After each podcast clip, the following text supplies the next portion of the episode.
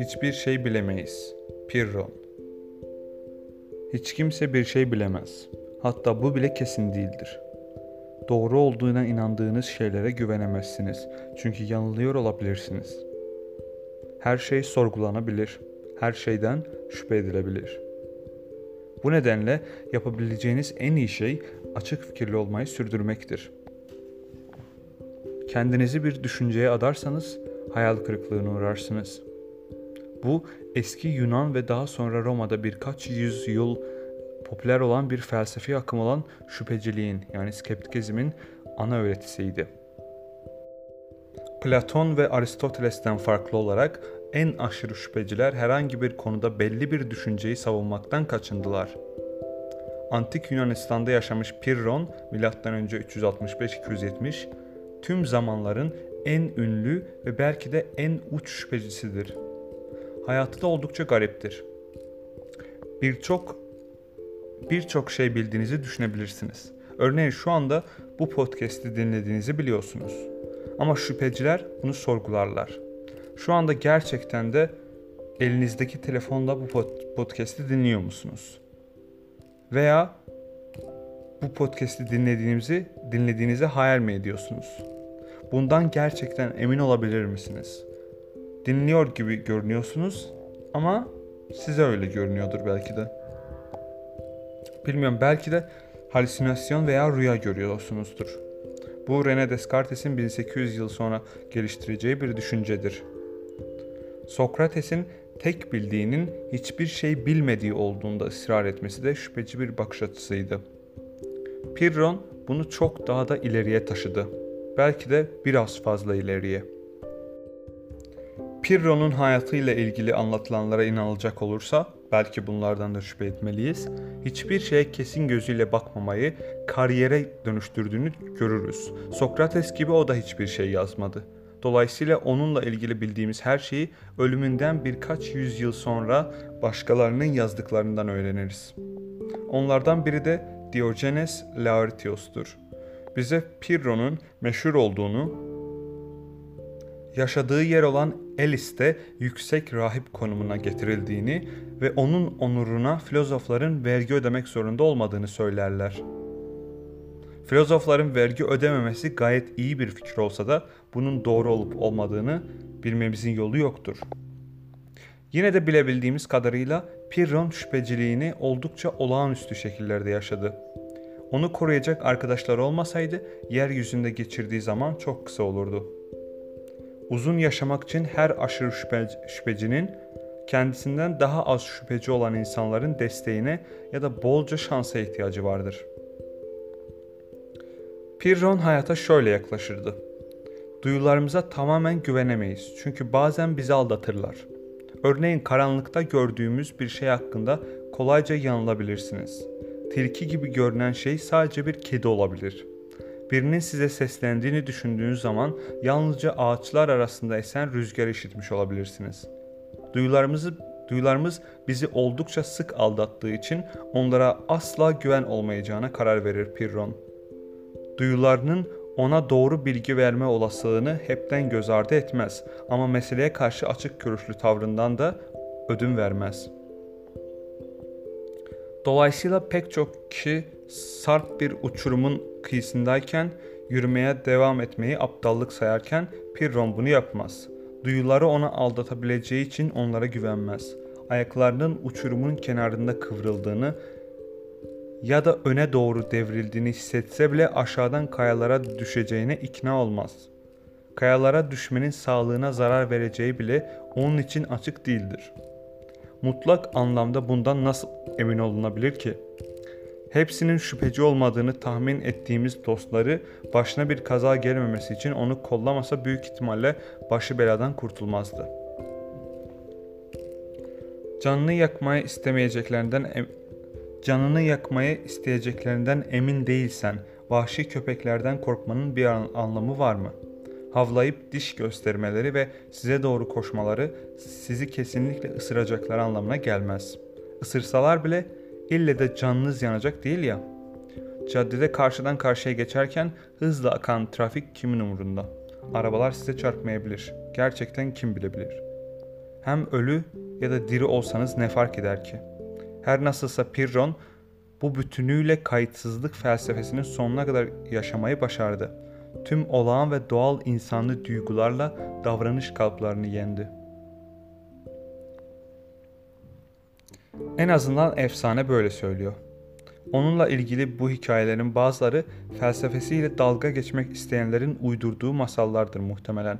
Fakat hepsinin uydurma olduğu da söylenemez. Mesela gemiyle yolculuk yaptığı sırada gelmiş geçmiş en korkunç fırtınalardan birinin ortasında kaldığında serin, serin kanlılığını hiç bozmamasıyla ünlüdür. Sert rüzgar geminin yelkenlerini parçalar. Dev dalgalar tekneyi döver. Etrafındaki herkes korkuya kapılır ama Pirron bunların hiçbirinden etkilenmez. Görünüşler sıklıkla aldatıcı olduğundan fırtınadan gelebilecek herhangi bir zarardan da kesin olarak emin olmayabiliriz. En tecrübeli en tecrübeli denizciler bile paniğe kapıldığında o sükunetini korumuştur. Bu şartlar altında bile kayıtsız kalmanın mümkün olduğunu kanıtlamıştır. Bu hikaye muhtemelen gerçektir. Pirron gençliğinde Hindistan'a gitmişti. Muhtemelen sıra dışı yaşamının ilham kaynağı da burası oldu. Hindistan kendilerini aşırı neredeyse inanılmaz boyutlarda fiziksel zorluklara tabi tutabilen ruhani hocalar ve guruların muazzam bir gelene geleneğine sahiptir. İçsel dinginliğe ulaşmak için diri diri gömülme, bedenin hassas bölgelerine ağırlıklar asma, haftalarca yemek yemeden yaşama vesaire gibi işlemleri gerçekleştirmişlerdir. Pirro'nun felsefeyle Pirro'nun felsefeye yaklaşımı bir mistiğinkine yakındı. Bunu başarmak için kullandığı teknikler ne olursa olsun dediklerini uyguluyordu. Sakin ruh hali etrafındaki etrafındakileri e, derinden etkiliyordu. Ona göre herhangi bir şey karşısında galyana gel gelememesinin nedeni mutlak anlamda her şeyin bir yargı mesele olmasıydı. Hakikati keşfetmenin bir yolu yoksa endişeye de mahal yoktur.'' O zaman kendimizi bütün katı inançlardan uzaklaştırabilirse uzaklaştırabilirsek böyle inançlar her zaman hayal ürünü olur. Pirron'la tanışsaydınız büyük ihtimalle onun deli olduğunu düşünürdünüz. Belki de gerçekten öyleydi. Ama düşünceleri ve davranışları tuhaftı. Tutarlıydı, affedersiniz. Ama düşünceleri ve davranışları tutarlıydı kesin dediğiniz pek çok şeyin anlamsız olduğunu, iç huzurunuza gölge düşürdüğünü düşünürdü. Çok fazla şeye kesin gözüyle bakmak, kumdan kaleler inşa etmek gibidir. Düşünceler, düşünceleriniz Düşüncelerinizin temelleri inanmak istediğiniz kadar sağlam değildir ve sizi mutlu kılma ihtimalleri de yoktur. Pirron felsefesini mutlu olmak isteyen herkesin sorması gereken 3 soru biçiminde düzgünce özetlemiştir. Nesnelerin gerçek yapısı nedir? Nesneler karşısında duruşumuz ne olmalıdır? Nesneler karşısında doğru bir duruştan ne kazanırız? Cevapları basit ve isabetliydi. İlk cevap dünyanın neye benzediğini kesinlikle bilemeyiz. O anlayışımızın ötesinde bir şeydir. Hiç kimse gerçekliğin nihai doğasını bilemez. Bu bilgiyi elde etmek insanlar için mümkün değildir. Bu yüzden bu soruyu unutalım gitsin. Bu görüş Platon'un formlar teorisine ve filozofların bunların bilgisini soyut düşünce yoluyla elde edebilecekleri ihtimalini tamamen çekişme içindedir. İkincisi ilk cevabın sonucu olarak kendimizi hiçbir görüşe teslim etmemeliyiz hiçbir şeyi kesin olarak bilemeyeceğimizden tüm yargılarımızı askıya almalı, hayatlarımızı yargıdan kaçınarak yaşamalıyız. Sahip olduğunuz her arzu bir şeyin bir şeyin diğerinden daha iyi olduğuna inandığınızı gösterir. İstediğinizi elde edemediğinizde mutsuz olursunuz. Ne var ki bir şeyin diğerinden daha iyi olduğunu bilemezsiniz. Dolayısıyla mutlu olmak için kendimizi arzularımızdan kurtarmamız ve işlerin nasıl sonuçlanacağıyla ilgilenmem ilgilenmememiz gerekir. Doğru yaşamanın yolu budur. Hiçbir şeyin önemli olmadığının farkına varın. Böylece hiçbir şey ruh halinizi yani iç huzurunuzu bozmayacaktır. Üçüncüsü Bu öğretiyi takip ederseniz hayatınız şöyle olacaktır. Başta herhangi bir şey hakkında muhtemelen ne diyeceğinizi bilemeyeceğiniz için sessiz kalırsınız. Sonunda da bütün endişelerinizden arınırsınız. Bu da bir insanın hayattan bekleyebileceğinin bekleyebileceği en iyi şeydir. Tüm bunlar neredeyse dinsel bir deneyim gibidir. Teoride böyle bir şeydi. Bu teori Pirro'nun özelinde işe yaramıştır anlaşılan. Ancak insanlığın çoğu için aynı sonuçları vereceğini kabul etmek güçtür. Pek azımız onun önerdiği türde bir kayıtsızlık haline ulaşabilir. Herkes en kötü hatalarından onu kurtaracak bir arkadaş grubuna sahip olarak olacak kadar şanslı değildir. Aslında herkes Pirro'nun tavsiyesini takip etseydi Pirroncu şüphecileri kendilerin, kendilerinden koruyacak kimse kalmazdı ve koca felsefe ekolü çok geçmeden uçurumun kenarından tepe taklak düşerek hareket halindeki araçların önüne atlayarak ya da vahşi köpekler tarafından parçalanarak yok olup giderdi. Pirro'nun yaklaşımının temel zayıflığı hiçbir şey bilemeyizle başlayıp tehlikeli bir şey karşısındaki içgüdülerinizi ve hislerinizi yok saymalısınız sonucuna ulaşmasıdır. Ne var ki birçok olası tehlikeden içgüdülerimiz sayesinde kurtuluruz. Bütünüyle güvenilir olmayabilirler ama sırf bu nedenle içgüdülerimizi öylece yok sayamayız. Hatta Pirron bile bir köpek ısırdığında oradan uzaklaşacaktır. Ne kadar istese de otomatik tepkilerini tam anlamıyla ortadan kaldıramazdı. Dolayısıyla Pirroncu şüpheciliği denemek ve sonuna kadar yaşamak aykırılık görünür. Bu şekilde yaşamanın Pirro'nun düşündüğü gibi bir iç huzur sağladığı da kesin değildir. Pirro'nun şüpheciliğiyle ilgili şüpheye düşmek de mümkündür. Huzurun onun girdiği türden tehlikelerle gerçekten elde edilip edilemeyeceğini sorgulamak isteyebilirsiniz. Bu öğreti Pirron için işe yaradı diye sizin de işinize yarayacak, yarayacağı kesin mi?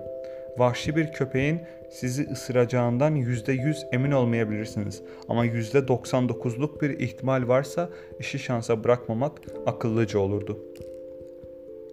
Felsefe tarihindeki tüm şüpheciler Firron kadar uç noktada değildi.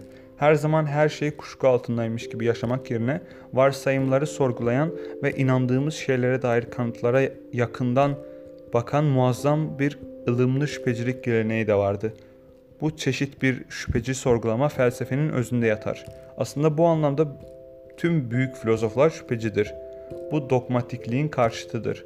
Dogmatik olan biri gerçeği bildiğinden çok emindir. Filozoflar dogmaya meydan okurlar.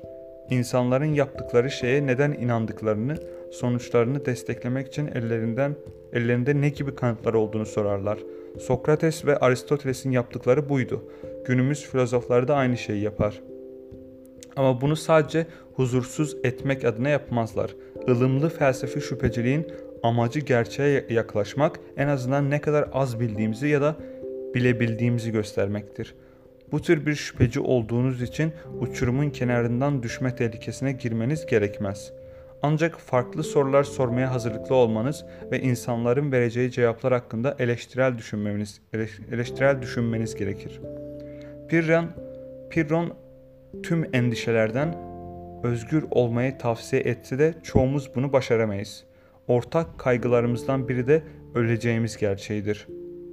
Bir başka Yunan filozofu Epikuros bu konuyu nasıl ka- kabullenebileceğimizle ilgili bazı zekice önerilerde bulunmuştur ve bunu bir sonraki bölümde size anlatacağım. Müzik